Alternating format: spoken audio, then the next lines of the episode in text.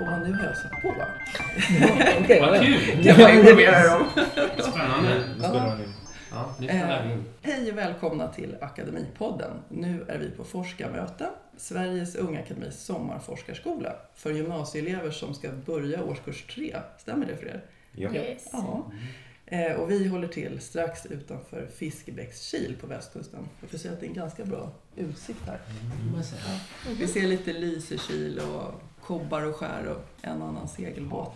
Hav. Ja, så underbart. Eh, Jag heter Annika Moberg och jag har också med mig Magnus Jonsson. Mm. Hej Magnus, ledamot. Ja, jag är inte gymnasieungdom utan jag är forskare. Då. Ja. Ja. Vad är ditt fält? Organisk elektronik. Organisk elektronik. Ja, jag sysslar mycket med nanooptik också. Mm. Tittar på hur ljus interagerar med väldigt små strukturer. Så spännande. Och du är väl Linköpings universitet? Det stämmer bra. På. Campus Norrköping där Linköpings universitet. Just det. Och sen så tänkte jag att ni får presentera er. Ja, eh, Hampus, Hampus Bernt. Eh, går på gymnasieskola i Uppsala då, Rosendalsgymnasiet och är intresserad av lite allt möjligt och vandrar mycket. Och vandrar, vad härligt. Och du? Eh, Felicia, jag bor i ja, typ Norrköping, eller jag går i skola där. Eh, på Kunskapsgymnasiet. Ja. Yes. Kul! Ja, det är bra där tycker jag. Ja, trevligt. Yes. ja, och jag heter Hugo. Hugo Ekinge och jag bor i Motala. Jag Går på naturgymnasiet där. Tycker om bland annat musikorientering också. Ja. Ja, jag är Rani från Sankta Ragnhild i Södertälje. Och förlåt, säg ditt namn igen. Ranin. Ranin. Ja. Vad fint. Vad trevligt. Och ni har haft nu en serie sådana här smågruppsmöten som vi kallar det. Magnus, vad, vad går det ut på? Det går ut på att man diskuterar olika frågor kring forskning, kring utbildning, hur det kan vara att vara forskare. Allt, allt från det till specifika frågor inom något visst ämne kanske, eller hur man ska välja vad man ska forska på. Det, det är saker som vi har tagit upp innan. Vi har pratat ibland lite om eh, olika vägar att bli forskare och gjort exempel på hur jag hamnade där jag är och så vidare. Olika vägval i livet. Då blir man ju genast lite nyfiken. Ja, Hur ja hamnar det är... här? Ska jag ta det då? Ja, Jag vill höra Eh, lite. Ja. Nej, ni, ni är ju alla nyfikna ungdomar här och det har också varit en, en gång i tiden. Jag ser mig fortfarande som nyfiken men inte ungdom kanske längre. Du ser ungdomlig ut. Ja, tack. Eller något. Men, eh, och då funderar man ju kanske kring olika möjligheter att stilla sin nyfikenhet eller använda den till någonting. Och, eh, Eh, för mig så var det ganska naturligt att läsa vidare på universitet efter gymnasiet. Det finns många olika val. Många olika val hade nog varit bra också tror jag, men, men då valde jag att läsa fysik. Eh, det var mitt favoritämne jämte matematik och kemi vid Lunds universitet. Så där läste jag. Och eh, naturvetenskapligt program fysik. Väldigt trevligt. Jag vill gärna testa på riktigt sån här typiskt traditionell studentmiljö. För jag var inte uppväxt i en sån akademisk miljö utan det var, det var nytt och spännande för mig. Så det gjorde jag. Mot slutet mot den tiden så fick jag chansen att göra ett, land, eh, ett, ett år utomlands. Så jag flyttade till Australien ett år. Och det är någonting som jag har pratat om i de flesta smågruppsmöten att har ni chansen och känner er eh, att det vore kul, ta, ta den och, och testa på någon ny miljö någonstans. Eh, oavsett vilket steg ni är i, i er, ert liv eller karriär. Eh, jag, jag fick chansen att åka till Australien och det var jättespännande. Hur kom det sig då? Liksom, varför blev det Australien då? Ja, många universitet har utbytesprogram med olika universitet runt om i världen. Och Lunds universitet och jag hade bland annat ett program med eh, universitetet i Melbourne. Det fanns massa olika länder och så vidare att välja bland och jag själv tyckte att det var mest spännande och de hade även intressanta kurser som jag kunde tänka mig att läsa där. Så jag sökte det och, och var glad att att få möjligheten att åka dit. Så, så blev det. Underbart. Mm. Är det någon av er som skulle vilja eller fundera på Ja, alltså jag tycker det skulle vara kul. Jag har en kompis som ska vara i eh, Australien ett år nu då. Ja. Som tog studenten i våras. Mm. Eh, det, det skulle vara kul också just att komma ut och se sånt lite. Ja. Ja, jag funderar på England möjligtvis. Mm. Jag vet inte, det bara känns... Det är inte för långt bort, så det är inte så långt att åka hem. Alltså om man skulle vilja det. Ja, så jag hade ju en, ut- jag hade en utbytesstudent hos mig i år då, som var här från USA. Så det var ju också kul. Så jag har upplevt typ hur det är. Mm. Lite Ja. åt det här alltså, hållet. Ja. Verkar er utbytesstudent tycka Sverige var udda? Alltså, hon var ju väldigt intresserad av så här, nord, alltså, Norden allmänt sett. Så hon tyckte nog det var alltså, kul och intressant. tror jag. Och Magnus, kan inte du bara säga några mer ord om din forskning? Ja, precis. Nanopartiklar i guld. Det är liksom Nano. en av, av delarna som jag, som jag studerar. Så nej, jag doktorerade efter min fysikutbildning då och uh, studerar framförallt hur ljus interagerar med väldigt, väldigt små guldpartiklar. Så tittar vi på framförallt uh, hur man kan använda dem för att göra nya typer av biosensorer, alltså instrument som kan detektera virus och bakterier och så vidare. Nya typer av medicinska diagnostiska verktyg bland annat. Eh, nu har vi ändrat lite efter det, så, så nu har vi andra applikationer också. Tittar dels på rent eh, grundvetenskapliga frågeställningar kring eh, vad som sker fysikaliskt och kemiskt kring de här systemen.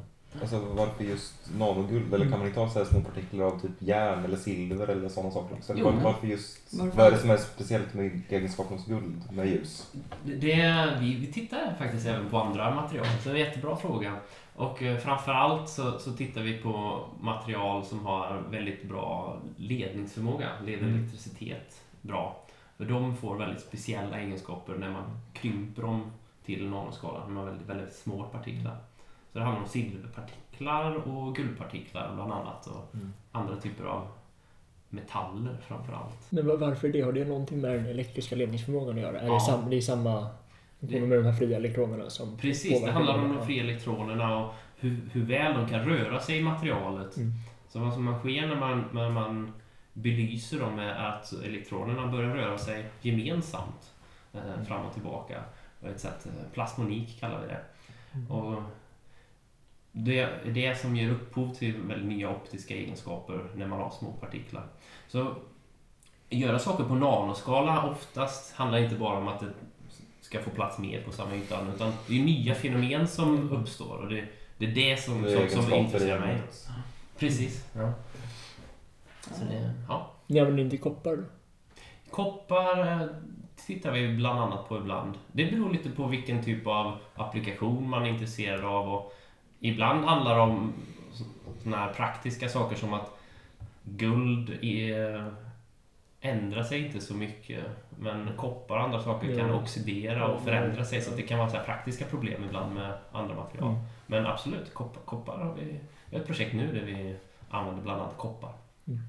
Drar ner temperaturen mycket? För många föremål får väl bättre ledningsförmåga när det är kallt? Eh, det är en intressant fråga. Det, det blir inte så stora förändringar i de här optiska egenskaperna Okej. faktiskt. Inte för, de, inte för de här typerna av materialen. Mm. Men sen tittar vi på andra material också. Mm. Jag är på laboratoriet för organisk elektronik så vi tittar väldigt mycket på olika typer av elektriskt ledande plaster och kombinerar det med de här typer av metalliska partiklarna också. Och tittar lite Ja, för jag tänkte just det, att du kan säga att det är organisk elektronik. Det känns Ja. som att guld och silver är så organiskt. Nej, det är de inte, eller hur? Nej. Nej, jag vill förvirra grann. utan, utan det är liksom andra delen av, av eh, vår forskning och vad hela laboratoriet sysslar med. Och, och det är väldigt olikt de här guld och silverpartiklarna. Och Vad gör det- de då som är organiskt? Ja, då, då handlar det om polymerer framför allt. Eh, olika typer polymerer, de har små Mm. element, små pusselbitar kan man säga som man sätter ihop till väldigt många långa, som spaghetti till exempel kan det se ut som. Tänker man sig vanliga, vanliga plaster, de är, leder inte elektricitet. Det är så här klasser man tänker på, någonting som är väldigt Isolat- isolerande. Ja, precis. Används ju till det till och med för att motverka att det ska leda elektricitet. Men om man ändrar molekylerna lite grann, då finns kan man göra en typ av polymerer eller plaster som faktiskt kan leda elektricitet. Inte riktigt lika bra som klassiska metaller, men nästan lika bra. Och de kan även leda inte bara elektroner utan även joner och andra elektriskt laddande molekyler. Man I sin tur då kan man bygga helt nya typer av komponenter som baserat på att joner rör sig i en komponent istället för elektroner. Men längs med en polymer då känns det lite Mm. svårt att röra sig. Mm. Men det kanske är flera polymerer som samarbetar för att röra den framåt. Absolut. Och det är oftast det som är begränsningen i hur stor ledningsförmåga de här Mm. materialen får på, på stor skala. Eh, Det är kul att du direkt såg den kopplingen. För, för oftast är det väldigt små spaghetti. Va? Men, Mm. men hela devicen eller de här grejerna som vi bygger, de är större än så. Mm. Så att eh, begränsningen är oftast ledningsförmåga mellan olika spaghetti eller polymerer. Mm. Absolut. Åh, vad intressant. Ja, visst är det från, eh, ja, till någonting annat. Har ni börjat fundera på ert gymnasiearbete? Gör man det nu? Ranin, har du någon idé? Nej. Alltså jag vill helst liksom att det ska vara typ något med biologi eller kemi. Men jag Ja. vet inte än vad. Så. Har du ingen aning eller är det något som du är lite sugen på? Sådär? Mm, nej.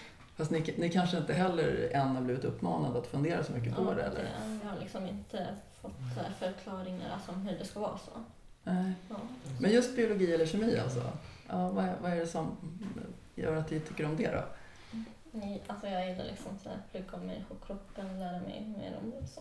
Ja, Och djur, typ ekologi och så. ja. Ja. Jätteintressant.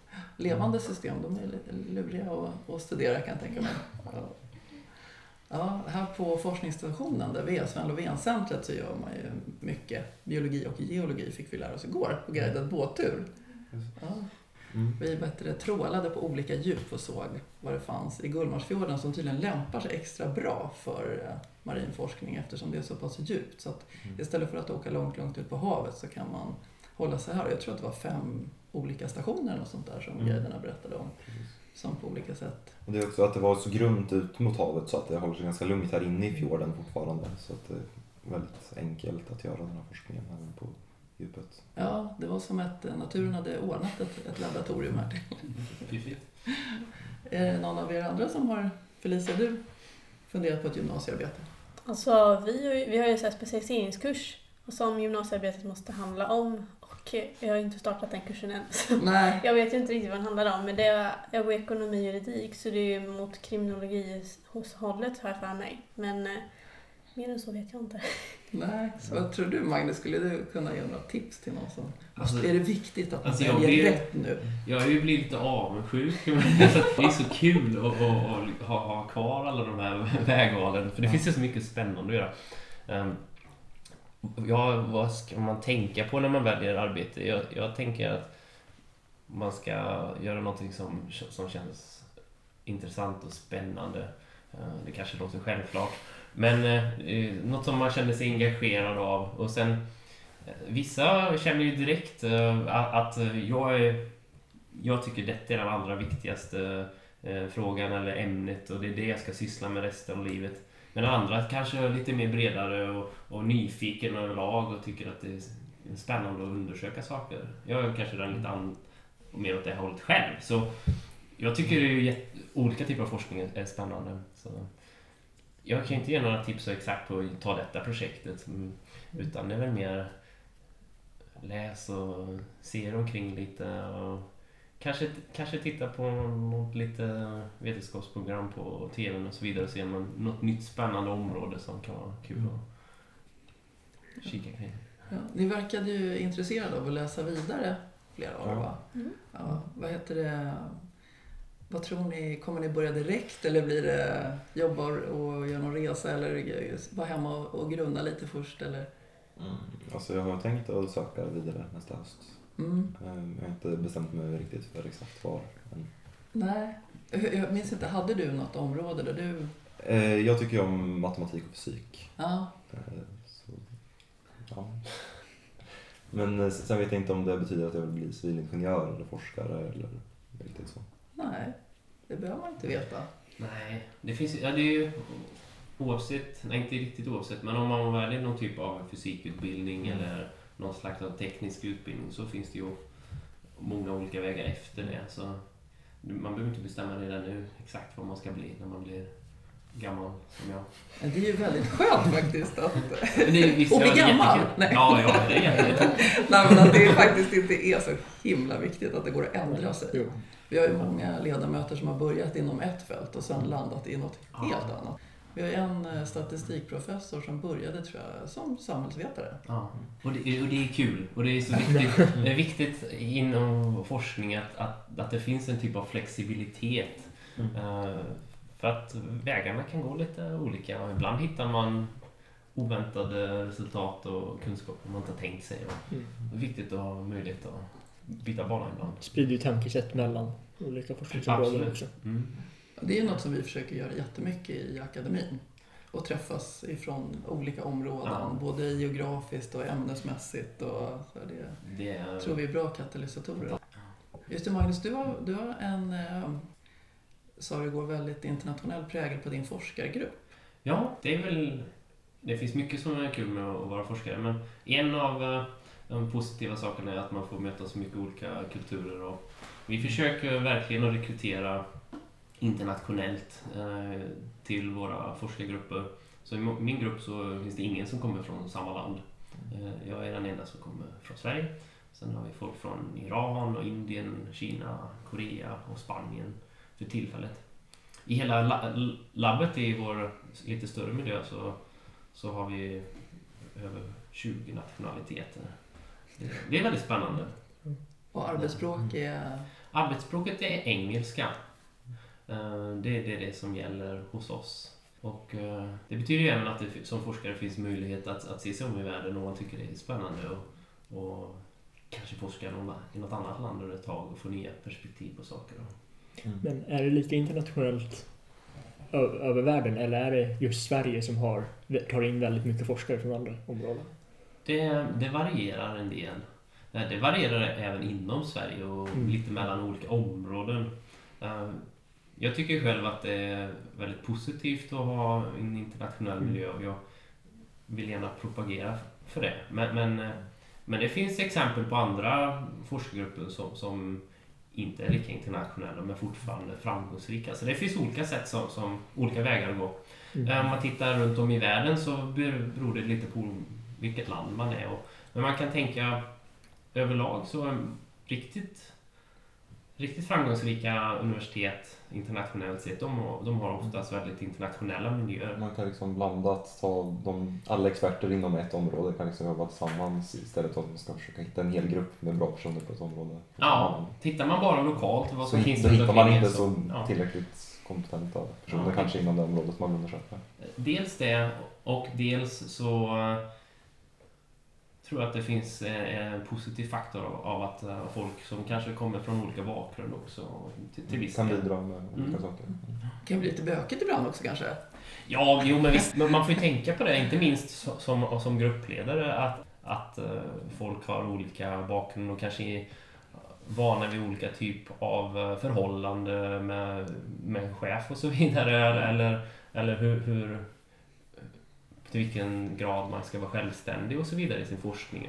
Och, och just med olika kulturer. Så jag har inte haft några problem med det än, men visst, men visst det kan ju vara en utmaning att eh, att folk är olika överlag och olika bakgrund. Viktigt att vara lyhörd och intresserad kan jag tänka Ja, det är mig. Mm.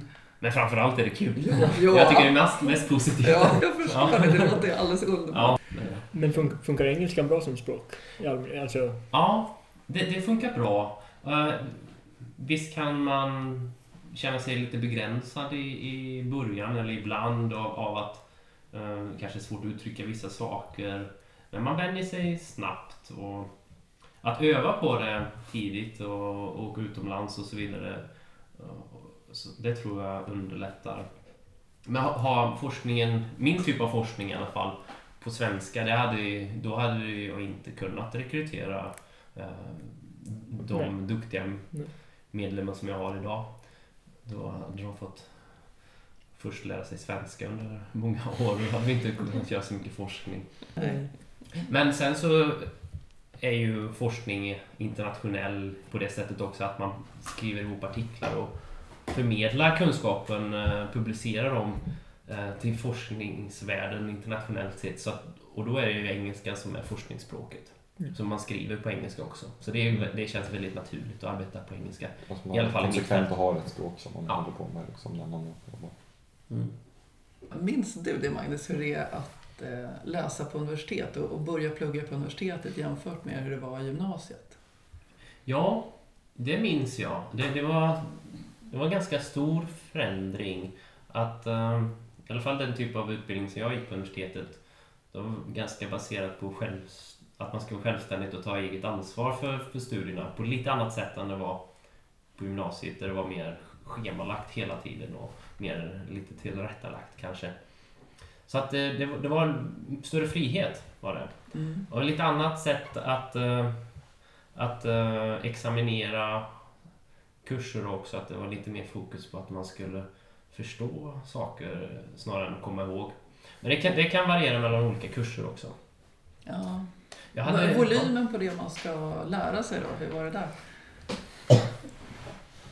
Bokhögen, Ja. blev den högre? Nej, in, nej, inte mängden text. Men det var, det var svårare att förstå den texten som man skulle läsa. Jaha, Ehm. oj. Oj då. Jag har hört att det är verkligen så här. Det, det är... Ja, nu, Ja. nu kanske nu Det beror också på vad du läser kan Ja. jag tänka Ja. mig. Ja, det var nog min upplevelse också. Att, Okej. eh, och som jag har hört många säga att eh, det blev så viktigt att lära sig sålla. Liksom, och Ja. att eh, viktigt att gå på föreläsningar och plocka vad läraren tyckte man Men verkligen beror inte det behövde. på vilka kurser och ämnen man läser? Oh, ja. Mycket. Det gör det. Jag tror det gör det mycket. För jag, jag, tror, jag tror vissa ämnen så är det väldigt viktigt att Ja. få in mycket kunskap. Ja. Andra är det mer viktigt att Plocka ut en, vad verkligen som är den förstå vad som är, hur saker fungerar. Så fysikkurserna var, var inte bara läsa väldigt mycket utan det var mer läsa det många gånger och Ja, försöka... för det känns som att inom typ fysik och naturvetenskap så är det väldigt mycket som hänger ihop. Att om, du måste nästan förstå den här biten för att kunna förstå den biten Mm. också. Att det räcker inte att bara förstå eh, små bitar utan du måste liksom förstå helheten också. Absolut. Ja, ett bygge. Liksom. Ja. Man kan inte börja på skorstenen utan man måste lägga lite grund först. Och... Precis. Det kanske ni märkte vid... Fast om man bygger skorstenen kan ju någon annan bygga huset sen. Så man kan, special, man kan ju specialisera sig bara på skorsten. Ja, Man och då inte förstå samarbeta allting. med folk som är väldigt duktiga på att bygga hus. Jo. Så samarbeten är, är viktiga också. Ja. Ja, det är sant. Jo då. Men eh, vad det gäller studieteknik generellt, om ni som eh, går gymnasiet nu skulle ge tips till eh, de som kanske börjar gymnasiet? Ja, alltså du säger att det är stor skill- det är ett, Man får mer eget ansvar när man börjar plugga på universitet jämfört med gymnasiet. Men det är också, alltså det är ett steg upp också från att ha gått grundskolan upp om man ska börja första året på gymnasiet kanske. Så man, att man börjar ta lite mer eget ansvar i alla fall är ju bra kanske att förbereda sig på. Ja. Eh, Och att liksom lära sig att planera så att se till att man får tiden att räcka till till det man ska göra. Eh, Blev det mer i tvåan än i ettan? Alltså jag läste ju mindre kurser, så för mig kändes det mindre. Ja.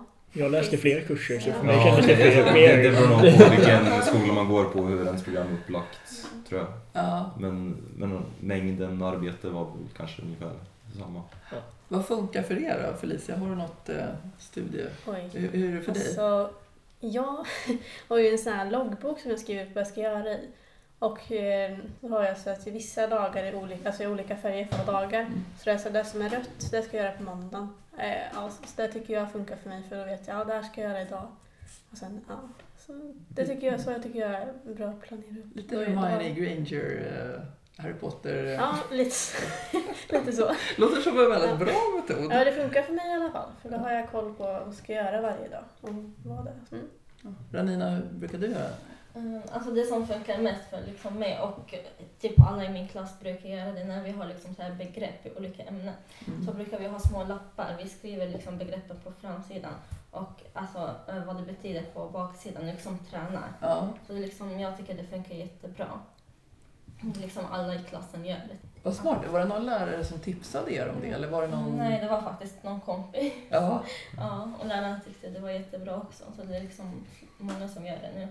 Är det typ post-it-lappar Ja. eller? Ja. Det hjälper jättemycket. Har du mycket lappar på ditt rum nu?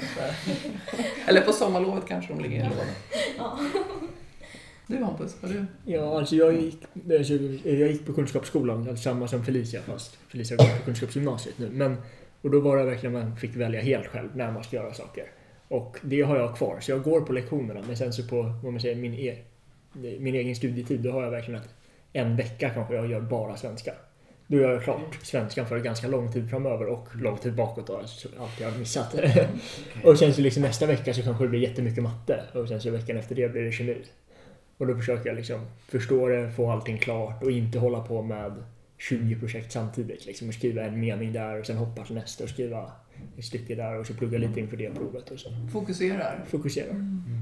Men det, Så- ja, Det funkar för dig? Det funkar för mig. Det, Det är bra. funkar inte för alla har jag förstått. Nej, eh, alltså jag, jag tycker väl en av de viktigaste sakerna som jag själv inte alltid är jättebra på, men det är att man ska börja med sakerna i tid. Att om man får reda på att man har en, liksom, man ska skriva en uppsats till det här datumet, om att det är jätteviktigt att man med den. Kanske inte, jag är inte heller för det här att man ska sitta och skriva en mening på en uppgift och sen en mening på en annan, men jag hellre gör klart den uppgiften en vecka innan den ska lämnas in så att man sen nästa vecka har ledigt för den uppgiften som ska ingå istället. Så att man jag gillar också att det, men kanske inte en hel vecka i taget utan att ta en, mer en uppgift i taget istället. Ja, just om man råkar upptäcka att det är någon instruktion kanske som man har missat och sådär, då kan man bli lite svettig då om man har börjat i sista stund. Jaha, var det, de- var det uppdaterade frågor eller liksom då? Sen skulle jag också säga att följ deadlines. Och det kan ju låta lite konstigt för man tänker om läraren sätter en deadline då går det inte att lämna in efter. Men det går vanligtvis att göra det. Alltså man säger till läraren "Ja, jag blev lite försenad. Så här, ja, men då kan man lämna in den en vecka efter. Förhandla lite? Man kan förhandla lite. Men gör inte det. Alltså, Man, man, man tappar på det själv för Man då kommer på efter på, för då måste du göra den nästa vecka när du skulle göra andra saker och det blir lätt att man liksom hamnar i det man tänker, ja men jag behöver inte göra det nu. Jag kan ju skjuta på deadline lite. Ja, det Så- kommer ju nytt hela tiden. Ja. Så har man en deadline, lämna in på deadline även om det inte är ett klart arbete. Liksom. Det är bättre att lämna in ett dåligt arbete och sen veta att man måste göra det klart då, än att liksom börja skjuta på allting hela tiden. För då blir det inget bra. Nej, är det, är det något du har lärt dig hårda vägen? Nej, faktiskt inte, men jag har sett det hända med många har- du klasskamrater. har tålmodigt iakttagit hur... Ja. Mm. Jag, jag känner en- igen en och annan erfarenhet. jag tycker det låter som att ni har väldigt kloka råd. Ja, Det är alltid lättare att ge råd åt andra än att följa dem själv. ja oh ja. Man ska sova ordentligt och ja. Ja, det, det, det kanske inte blir varje gång. Ja, lite fritid då, när ni eh, behöver koppla av kanske? För att ibland så har man ju bara stoppat huvudet fullt känns det som. Ja, alltså, nej, jag tycker inte, om man har så här fri- fritidsaktiviteter som man håller på med sen innan tycker jag inte man ska sluta med dem bara för att man börjar på gymnasiet. Jag vet vissa som kanske till och med gjorde det för att liksom man säger att man ska satsa allt på att plugga mer och sådär. Men det tycker jag är jättedumt. Eh, För man behöver verkligen tid att göra annat också. Det går inte att bara plugga hela tiden. Och det, det, för mig hjälper det jättemycket. Jag till exempel jag håller på med musikorientering. Och att, att göra någonting annat som liksom är borta för skolan liksom hjälper. Man får tillbaka massa energi och sen orkar man plugga bättre istället. För att plugga tio timmar om dagen på halvfart så kanske man kan liksom göra något annat i några timmar och sen plugga mycket snabbare istället och mer effektivt så att man får mer gjort på kortare tid. Ja, det gäller ju även eh, nästa steg sen ska jag Ja. säga. Eh, glöm inte bort att ha fritidsintressen också på universitetsnivån sen. Mm. Absolut. Det är viktigt. ja. Orientering och musik, spelar det något? Eh, Ja, jag spelar piano eh, men också bastrumman i orkester. Åh, härligt! Ja. Det var någon som spelade piano här igår. Ja, det var inte jag, det var någon annan. Ja, det var någon annan. Isak tror jag. Ja, jag tror det är Isak. Ja, Jag hörde lite Michael Jackson. Tack det där. Och lite sång också. Ja, vad hette det? Det var någon som i alla fall nynnade till det. Det var någon som spelade gitarr också. va? Det var det säkert. Det är många Ja. musikintresserade här känns Jag tänker att det fanns både piano och gitarr på forskningsstationen. Ja. Det är ju väldigt trevligt. Pianot var inte helt stämt dock. Nej, det kan, så, det kan ju bli så. här. känsla. Ja, precis. Vad heter det? Lenina, vad gör du när du vill eh, koppla av? Jag brukar vara liksom med familjen, med en hund, gå ut med vänner. Har du hund? Vad har du Ja. för hund? Det är pomeranian. Pomeranian? Är de Det stora? är typ dvärgspets. Ah, Ja, en så här liten brun. Ja. vad härligt. Ja, hundpromenader kan jag tänka mig är ett bra sätt att Ja. rensa huvudet lite. Felicia, vad... Ja, alltså jag har väl en och en halv timme till skolan så, att, så jag bara vill byta buss och ja, så. Mm. Eh, så jag är ju en sucker för podcaster. Det, Ja! det är herregud kan du lyssna på den här Ja. Ja, precis. så jag lyssnar mycket på podcaster på bussen för då tänker jag ju på annat. Ja, vad skönt. Och det kan ju vara svårt faktiskt att hinna med då och ha, kan jag tänka mig, fasta hobbys.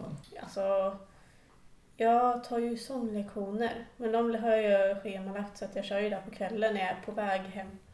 Så, för eh, musikskolan är på vägen hem så, det liksom, så stannar jag till själv och sen så... Ja, jag trodde du sjöng medan det gick. Nej, nej, nej. nej alltså, eh, jag bor 20 minuter utanför Finspång. Så jag tar bussen till, från Norrköping till Finspång, säsonglektion och sen hem. Så det är, jag tar det på vägen. Så med träningen också, för jag går ju på gym i Finspång. Så att, ja. Ja, du får in både det ena och det andra där. Har du Ja, någon, eh, något podcasttips? Oj, jag har mycket. Men jag är mycket för juridik, så jag lyssnar ju på massa sådana. Eh, Mordpodden lyssnar jag på, Rättegångspodden, sen ofta PT Dokumentär med sådana olika. Eh, ja, Mordpodden. Ja. Spännande den, det den låter. är bra. Ja. Fritid. Ja, men jag, jag, tänkte utveckla lite det eh, Felicia sa med att, hur man tar sig till skolan. För förr, för många år sedan, det, det, har, det har kanske inte så mycket med fritid att göra, men för många år sedan då, då åkte jag buss till skolan. Och då var jag alltid jättetrött på morgonlektionerna. Alltså första lektionerna bara försvann liksom. Det var poänglös. Men sen så började jag gå, eller cyk, cykla på eh, sommaren, men nu går jag sommar och vinter. Och det är jätteskönt, för då går jag en knapp timme till skolan. Och då är jag jättepigg när jag är där. Jag har liksom vaknat upp, jag börjar tänka på dagen. Jag, jag, är, liksom, jag är redo när jag kommer till skolan. Då kan jag fokusera på skoldagen. Sen går jag hem och då kan jag liksom ta bort skolan, börja tänka på annat, så här, växla, ja, växla fokus liksom. Och så blir jag inte lika stressad sen på kvällen över skolarbetet. Är det en naturpromenad eller stadspromenad? Hur bor du? Jag bor i Håga, vilket är typ en, ja, lite utanför Uppsala. Men jag lyckas komma in i, till skolan som ligger ganska i centrum av Uppsala genom stadsskogar och Mm. eh, ja, över kullar och så. Så det, det är Du var nästa del intresserad av att naturpromenad. vandra också, var det inte Ja. så? Ja, så det är ju bra då. Ja, det är Mm. Ja, perfekt. Jag vandrar. Var vandrar du någonstans då? i, vi bor vid Nosten, vilket är en skog i närheten av Uppsala. Så jag Ah. vandrar där. Jag tänkte om ni hade gjort någon vandringsresa kanske med familjen sådär. Det har vi gjort också. Men Mm. det är ju liksom inte en vad man säger, vardagsvandring riktigt. Nej. Ja, hur fan- läser ni böcker? Det, läsandet har ju gått ner. I alla fall Mm. dagstidningsläsandet berättade David Håkansson, språkforskare, igår. Just det. Ja. Och ni känner igen er i det kanske? Alltså, Ja, jag läser ju jag är väldigt dålig på att läsa dagstidningar, men alltså jag läser ju böcker. Så, Det gör det? yeah. ja. Har du någon, eh, något boktips? Alltså vi var tvungna att läsa en bok eh, i både svenskan och engelskan. Och då fick jag upp ögonen för Jane Austen. Så jag tycker ju Pride and Prejudice Fina grejer. Ja. Ja. Klassiker. Yes, den tycker jag. Ja, sen, men annars tycker jag om The Fault in Our Stars. Vad heter den sa du? The Fault in Our Stars. Den finns ju som film också. The Faulty... In Our Stars. Jaha, okej. Är det någon science fiction? eller? Nej. Nej, inte alls. John Green. Men det, på svenska heter den väl Förr eller senare exploderar jag. Yes. man känner Det, igen det, den. det känner Ja, jag. det är Ah. samma bok alltså? Det är, så- Ja, det, den har en ja. helt annan titel på svenska. Ja, jag, jag har Ja. aldrig Ja. kopplat det till samma. Mm. Nej, men jag har ju läst den på engelska. Ja, underbart. Jaha, vad kul. Mm. Fick vi boktips också. Ja. Ja, hörni, jag tror att det är dags att runda av. Om inte någon hade någon mer fråga eller? Nej. Börja kurra lite med Nej. kanske? Ja, lite. En, en sista bara kanske. Ja. Eh, som sagt, jag sa att jag är intresserad av matte och fysik Ja, och vi ska ha gymnasiearbeten snart. Har du Ja. några bra tips på liksom, vad, vad kan man göra som är modernt nu inom fysik just nu som man kan göra på gymnasienivå? Ja. Eh, vill du göra något experimentellt eller mer någon litteraturstudie? Val, valfritt. Ja. Experimentellt om det går. Jag, jag är ju kanske lite eh, färgad av mina egna Ja, ämnen. det- det. Men jag tycker Ja. att uh, organisk elektronik som vi jobbar med, det, är ju, det händer mycket spännande där nu. Mm. Eh, inte minst inom miljön så, så växer ett nytt område fram där vi tittar på växter som är, man kan göra Mm. elektroniska. Så det, det kan vara ett spännande Mm. ämne. Eh, inom optiken istället som, som är mitt fält så, så händer det också mycket. Det är inte så lätt att, att göra som ett gymnasiearbete Nej, eh, med, med, beroende på resurser och sådär Mm. lite grann. Men, men det kanske kan ta fram en sån där Harry Potter-cloak som vi diskuterade lite igår. Eller titta på olika möjliga sätt att göra det på. Ett bra sätt kan väl vara att titta i eh, lite olika tidskrifter om, om vad som sker just nu. Och, Forskning och framsteg Ja, skulle jag säga. ja, ja. De bevakar bra. fysik Mm. och matte mycket. Det är bra tidning. Och, ja, eller hur? Och eh, Vetenskapsradion har ju bra nyheter också. Så de skulle jag tipsa om. kvantdatorer annars. Mm. Det är lite svårt att göra på skolan bara. Ja, det är ju Men det är sådana här fält som, som, jag- som jag tror det, det är större och intressant större. Det är närmsta jätte, jätteintressant. Men som sagt lite svårt att göra egen forskning Mm. på gymnasiet. Gentekniken annars, men det ligger lite bortanför fysiken. Men det är också, Ja. händer mycket spännande. Syntetisk biologi. Mm. Nej men hörni, då tror jag... Tack snälla ni. Jag tror vi lämnar ordet till Felicia. Yes. Ja, och ja, tack alla som var med och tack till de som har lyssnat på oss. Och ni hittar ju Sveriges Unga Akademi på sociala medier som Youtube, Facebook, Instagram och Twitter. Eh, där de heter att eh, Unga Akademin. Och de finns ju även på sverigesungaakademi.se. Hej då! Hej då!